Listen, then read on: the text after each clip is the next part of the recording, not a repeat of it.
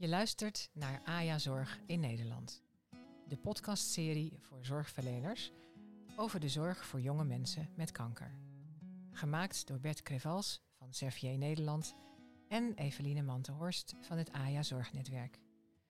In elke aflevering schuift een expert aan om de zorgbehoeften van de AJA te bespreken en welke AJA-zorginterventies ingezet kunnen worden. Hi, ik heb uh, Sylvie Jansen. Jij bent onderzoeker in het NKI, het Antonie van Leeuwenhoek. En Anke Bouwmans, jij bent docent en onderzoeker aan de Hogeschool van Amsterdam. We hebben net op het uh, AJA-congres uh, een presentatie gezien, uh, Sylvie, die heb jij gegeven over um, de kwaliteit van leven van de AJA. En met name de impact of de relatie met die kwaliteit van leven wat betreft opleiding, werk en financiën. Kan je iets vertellen over het onderzoek wat uh, jullie daarover uh, over gevoerd hebben? Ja, we hebben verschillende studies uitgevoerd. Een van de studies is een koppeling tussen de Nederland, Nederlandse kankerregistratie, dus de NKR, en Centraal Bureau voor Statistiek, dus CBS. En daarmee hebben we AJA's kunnen identificeren die gediagnosticeerd zijn in 2013, minimaal vijf jaar overleefd hebben. Daarbij hebben we een klinische data uit een dataset kunnen halen en kunnen koppelen aan de data van het CBS. En die data geeft uh, sociodemografische data weer, maar ook informatie over inkomen en werkstatus.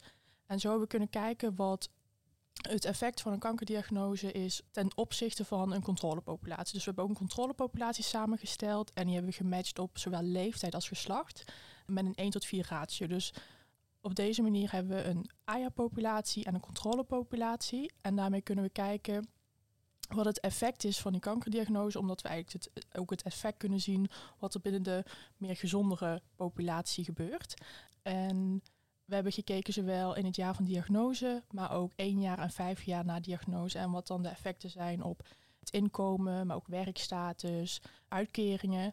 En dan zien we eigenlijk dat zelfs vijf jaar na diagnose nog steeds die effecten zichtbaar zijn. En dan met name het nadeel voor de AJA's. Over welke effecten hebben we het dan? Want je verwacht eigenlijk op baseline, hè, op het moment van diagnose, staat iemand nog midden in het leven, is hij nog aan zijn opleiding be uh, bezig. Dan verwacht je eigenlijk geen verschil met de controlegroep. Maar dan een jaar later en vijf jaar later verwacht ik dat, dan is er verschil te zien. Zeker. Ja. Welke verschillen uh, kun je benoemen? Nou, we zien onder andere verschillen in het percentage dat werkloos is. En dan zie je met name dat de AIA's significant vaker werkloos zijn dan de controles, zowel één als vijf jaar na diagnose. Je ziet ook meer afhankelijkheid van het ontvangen van uitkeringen en dergelijke.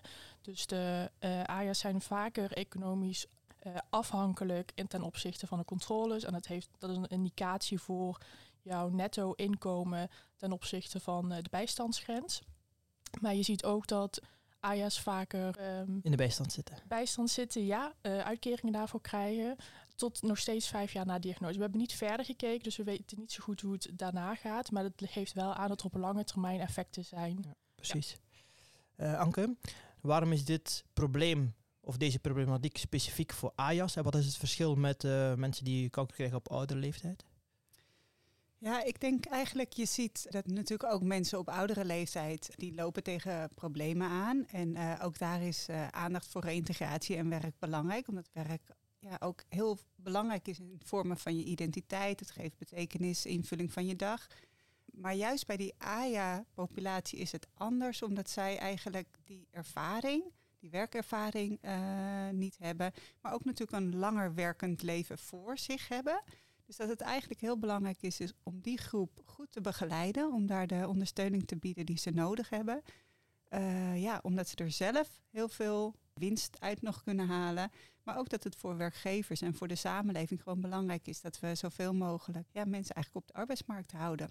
Ja, precies. En ook financieel hebben ze nog weinig op kunnen bouwen, omdat ze dus niet die werkervaring hebben. En als aanvulling ja. daarop, ik denk dat ouderen vaak meer bezig zijn, of oudere kankerpatiënten, uh, vaak meer bezig zijn met hun eventueel vervroegd pensioen, of ze zijn al gepensioneerd. Terwijl dat echt een ver van je bedshow is voor een AJA. Dus die, die status of die, die plek, die fase in hun leven waar ze zijn, is gewoon heel anders. En dat heeft ook andere invloeden op hun werkstatus, op hun inkomen. Uh, merken jullie dat het bijvoorbeeld moeilijker is voor die AJA's om een hypotheek af te sluiten? Ik zeg maar iets, want als je wat ouder bent, dan heb je vaak al een hypotheek, heb je al een huis gekocht, heb je al een gezin. Krijgen jullie, blijkt dat ook uit het onderzoek?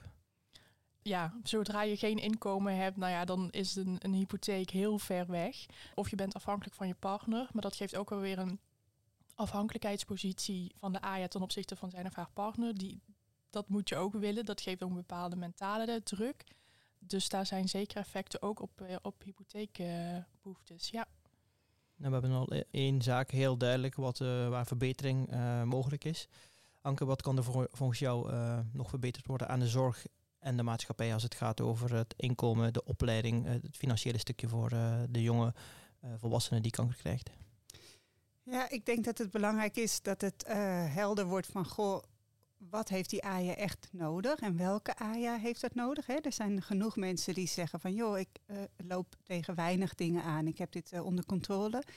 Maar wat de AJA ook anders maakt, is dat je soms nog niet weet welke vraag je hebt, omdat je nog niet de ervaring hebt. Hè? Als je, in je tijdens je studie ziek wordt en je gaat aan het werk, heb je nog niet nagedacht over, goh, wat ga ik wel of niet vertellen bij sollicitatie, omdat je daar gewoon nog niet mee bezig bent. Maar op het moment dat je gaat solliciteren, dan popt die vraag op. Of als je van baan gaat veranderen. Of als je.